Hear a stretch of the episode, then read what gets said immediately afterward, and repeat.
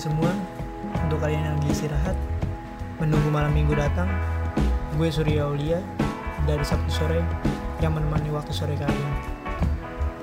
Selamat menikmati.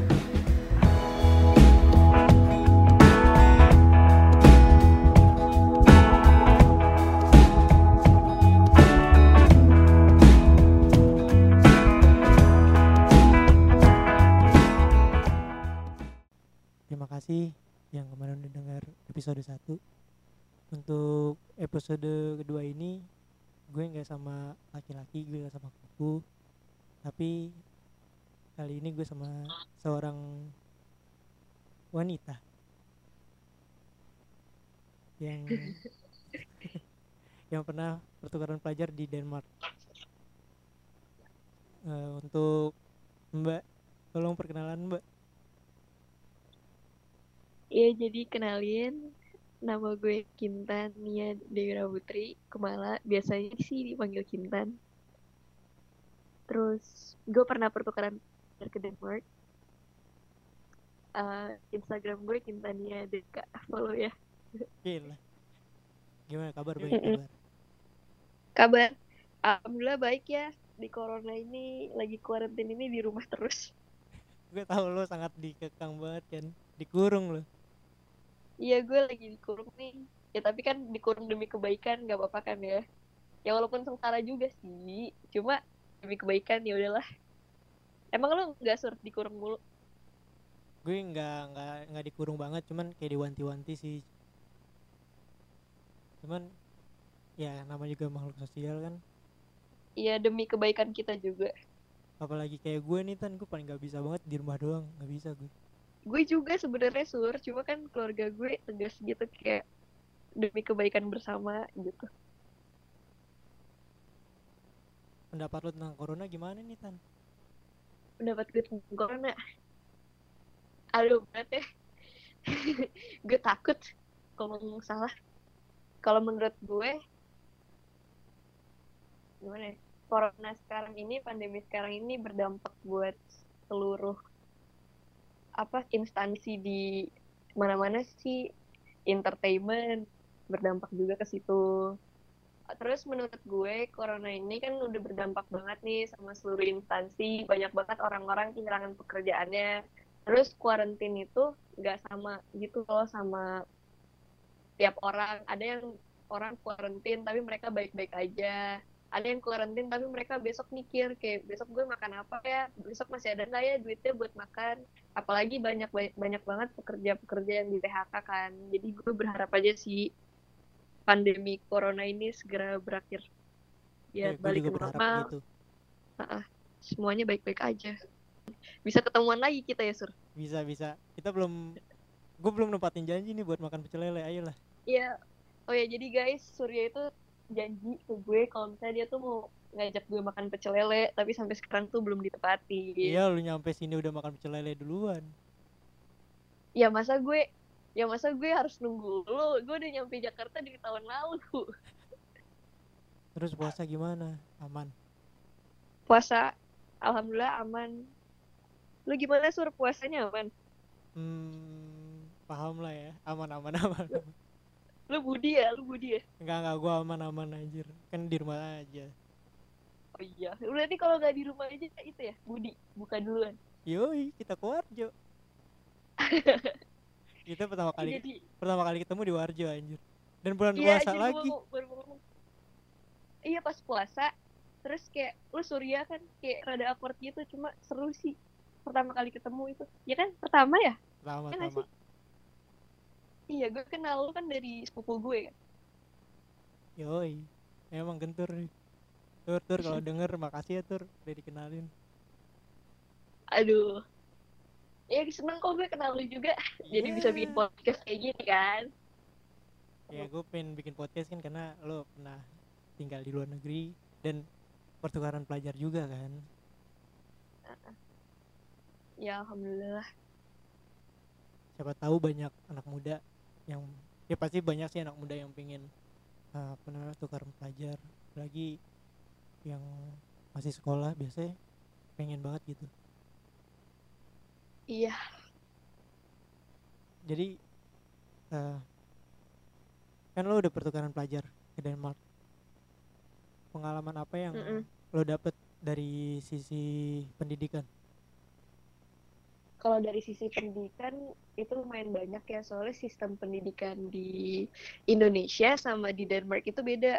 Gue nggak tahu eh, di Eropa aja di Eropa semuanya sama kayak di Denmark atau cuma di bagian Denmarknya aja. Cuma kayak beda banget gitu sih sistemnya. kalau dari kayak peminatan Nah, ini nih. Ya, nah ini nih yang buat beda. Jadi kalau misalnya di Indonesia, kita peminatannya IPA dan IPS. Dan itu pas SMA kan. Dan itu Ah. kita random mau milih apa pun yang kita mau, IPA atau mungkin IPS gitu.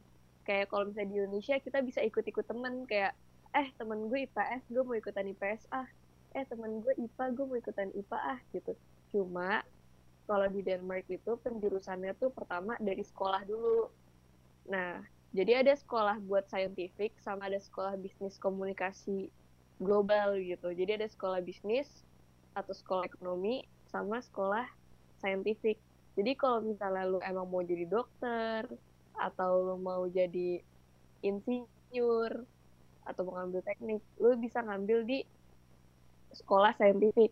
Sedangkan kalau misalnya lu mau ngambil bisnis atau financial, itu tuh lu bisa ngambil ke sekolah bisnis schoolnya.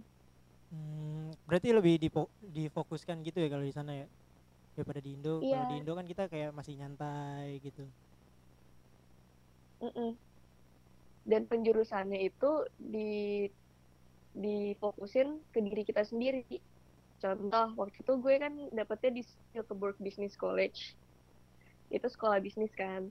Di semester awal, gue tuh belum dapet penjurusan sur. Jadi kayak cuma uh, uh, gue masuk kelasnya masih random. Nah pas semester 2 nilai lu tuh dikulik sama psikolog. Dan lu dikasih tahu nih lu bagusnya di nilai apa? Misalnya gue bagusnya misalnya di matematika terus gue juga bagus di bahasa Inggris gitu. Nah si psikolognya tuh bilang kayak nih kamu bagus di sini sampai di sini kamu cocoknya di kelas ini. Kamu maunya kelas apa? Alasan kamu tuh apa nah gitu jadi kita nggak bisa ikut-ikutan kayak eh, temen gue masuknya global business gue mau ikutan dong gitu nggak bisa gitu Oh, I see.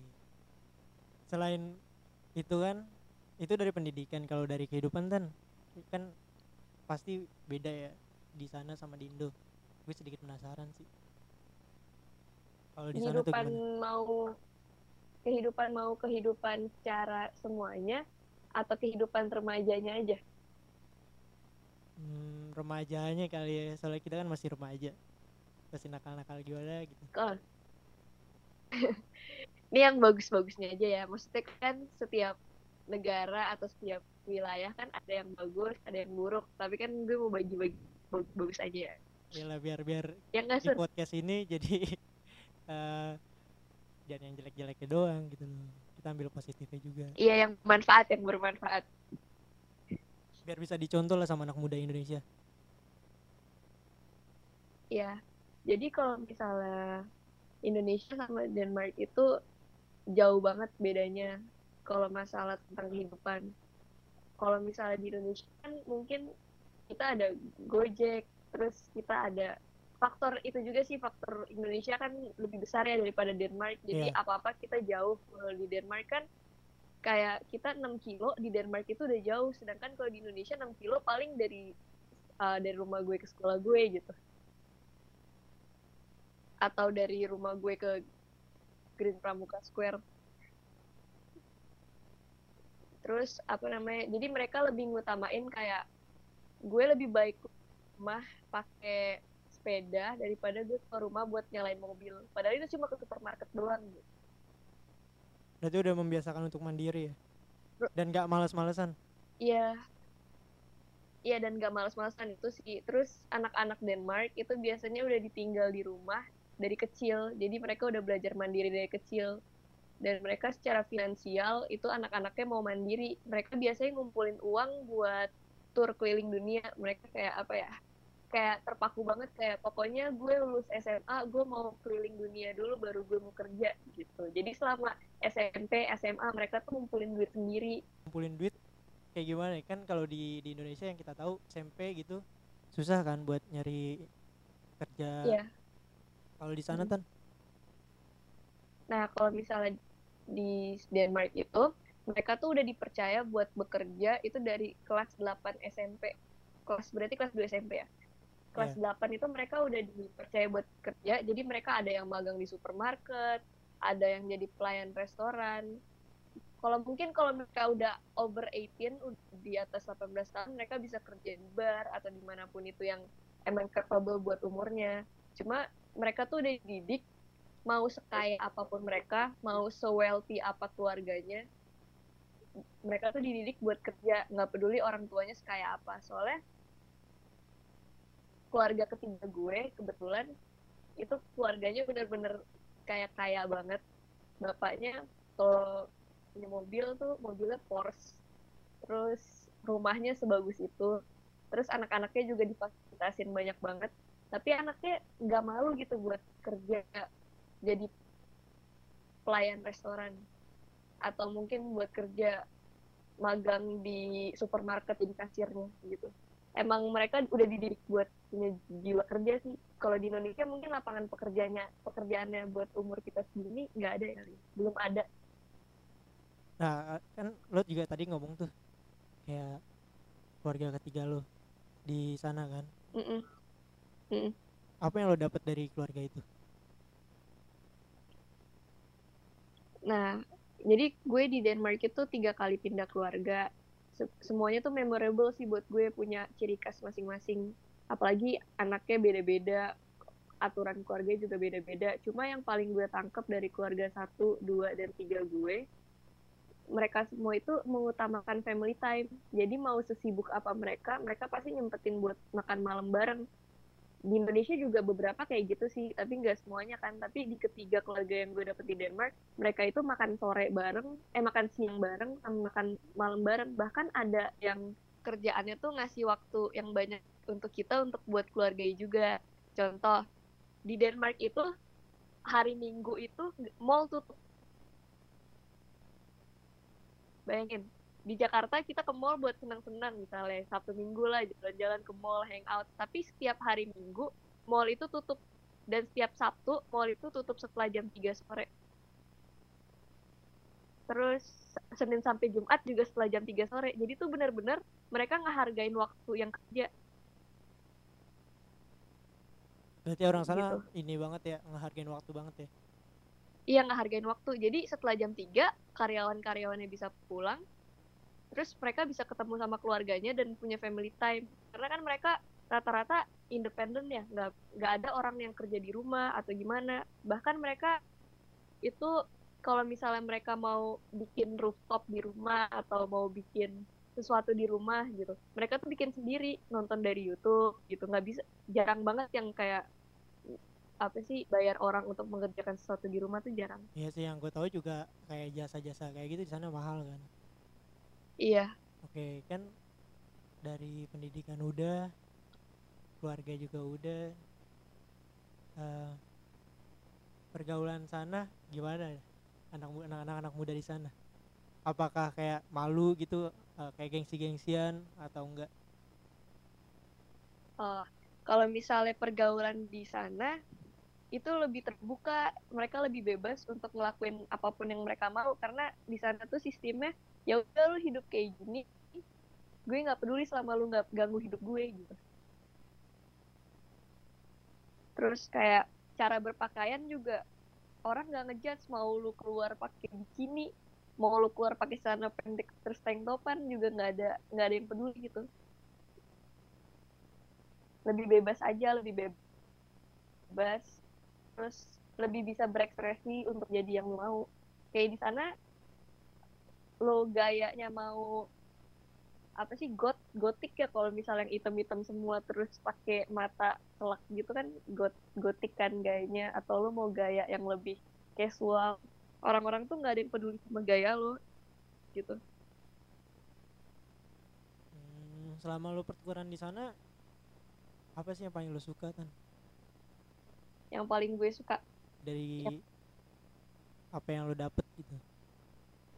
Yang gue sukain selama gue di sana rata-rata gue suka semuanya sih. Cuma yang paling berkesan itu kan ketemu banyak teman baru itu itu gue suka. Terus ng- ngelihat keluarga yang berbeda-beda peraturannya terus dipelajari terus berusaha buat apa ya buat menjadi bagian di keluarga itu. Itu kan juga pengalaman yang nambah skill buat caranya tahu buat fit in ke suatu tempat yang emang pergaulannya atau sistem hidupnya itu beda sama yang kita biasa usually yang kita biasanya lakukan gitu terus apa ya makanannya juga enak-enak sih Kalau sama nasi padang, pecel lele enakan mana tan?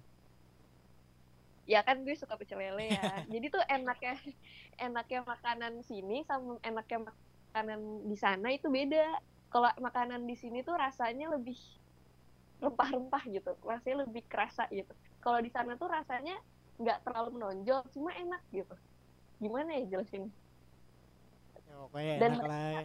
Sama iya, lidah kita mereka- masih nerima gitu.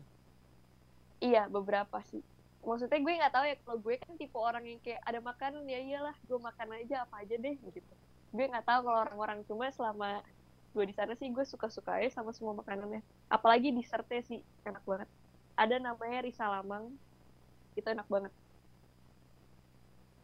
Kalau tempat-tempat yang lo suka tan, lo apa aja tan? Siapa tahu bisa referensi kalau kita pengen ke sana. Kalau di sana gue paling seneng ke Tivoli jadi Tivoli kayak Dufan. Persis sih kayak Dufan.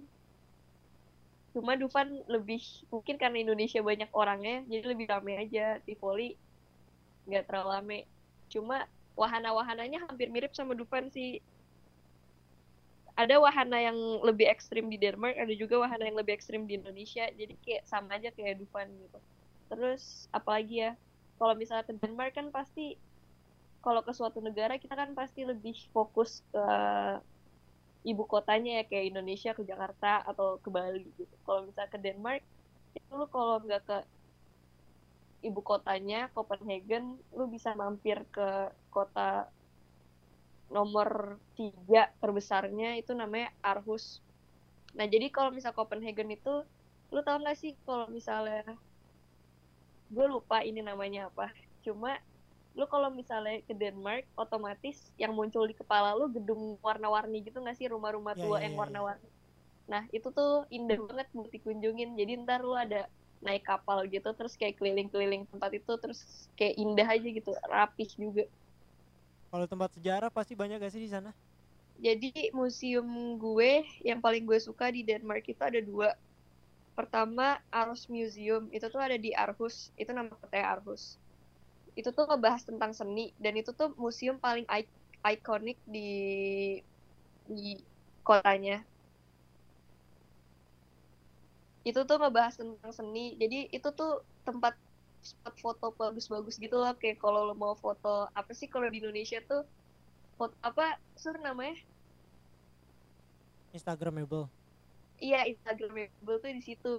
Terus di atas Aros Museum itu ada kayak rainbow panorama gitu. Jadi ada lingkaran, warnanya tuh rainbow. Jadi lu tuh bisa ngelihat semua sisi dari kota Aros itu, Aros itu lewat rainbow panorama itu dengan warna-warna rainbow. Ntar kalau mau search di Google Aros Museum. Terus yang satu lagi gue lupa nama museumnya apa, tapi itu ngebahas tentang manusia gitu dari awal manusia ada dari sebelum manusia kayak Meganthropus, Paleojavanicus, and all the things gitu sampai manusia yang terkini gitu. Terus menurut gue itu edukasi banget sih. Terus kayak seru gitu, sur. Ada VR-nya, virtual reality, kita ngeliat, kita nonton. Lo ada kepinginan buat balik lagi sana atau tinggal di sana?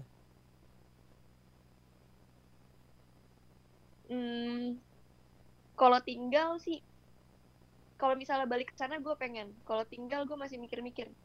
Karena kalau misalnya gue tinggal di sana, gue harus living, uh, gue harus ninggalin keluarga gue di sini kan terus gue masih banyak banget hal-hal yang gue harus lakukan di sini gitu cuma sebenarnya emang dalam lubuk hati yang paling dalam gue pengen misalnya ke sana cuma kan gue masih banyak banget tanggung jawab di sini kan yang harus gue lakukan gitu dan kayak nggak memungkinkan banget buat gue pindah ke sana. Cuma siapa sih yang nggak mau buat tinggal di negara yang pernah jadi negara nomor satu paling bahagia sedunia? Jadi fun fact aja Denmark itu negara paling bahagia nomor satu dunia atau mungkin pernah. Kalau nggak salah sekarang ada di peringkat dua atau tiga. Yang pertamanya udah direbut sama Sweden. Ya udah mungkin segini aja kali ya buat lu kan uh, makasih udah ceritain pengalaman-pengalaman lu ya semoga bisa dipakai lah di Indo ya kan Iya, sama-sama juga. Gue gue makasih udah diajak buat bikin podcast ini. Semoga apa yang kita omongin hari ini bisa bermanfaat buat orang-orang yang dengerin. Tan, tan, tan, sebelum ditutup, semangatin dong buat yang laki-laki. Laki-laki doang sih. ya udah. Semua, semua, semua. ya jadi buat semua yang dengerin podcast ini tetap semangat ngejalanin semua hal yang pengen lo lakuin di um, pandemi corona ini. Semoga corona ini cepat berlalu biar yang jauh bisa ketemu dong yang pasti. Terus biar semuanya balik lagi ke normal orang-orang bisa bekerja dan cari uang lagi untuk beberapa orang yang udah mungkin dikeluarin dari pekerjaannya. Terus semoga juga podcast ini bisa ngisi waktu luangnya dan juga bermanfaat buat orang-orang semua. Amin. Dan sekali lagi ya. terima kasih lo udah mau datang di Sabtu sore. Iya. Ya udah sekian dari Sabtu sore. Gue sama Kintan. Terima kasih.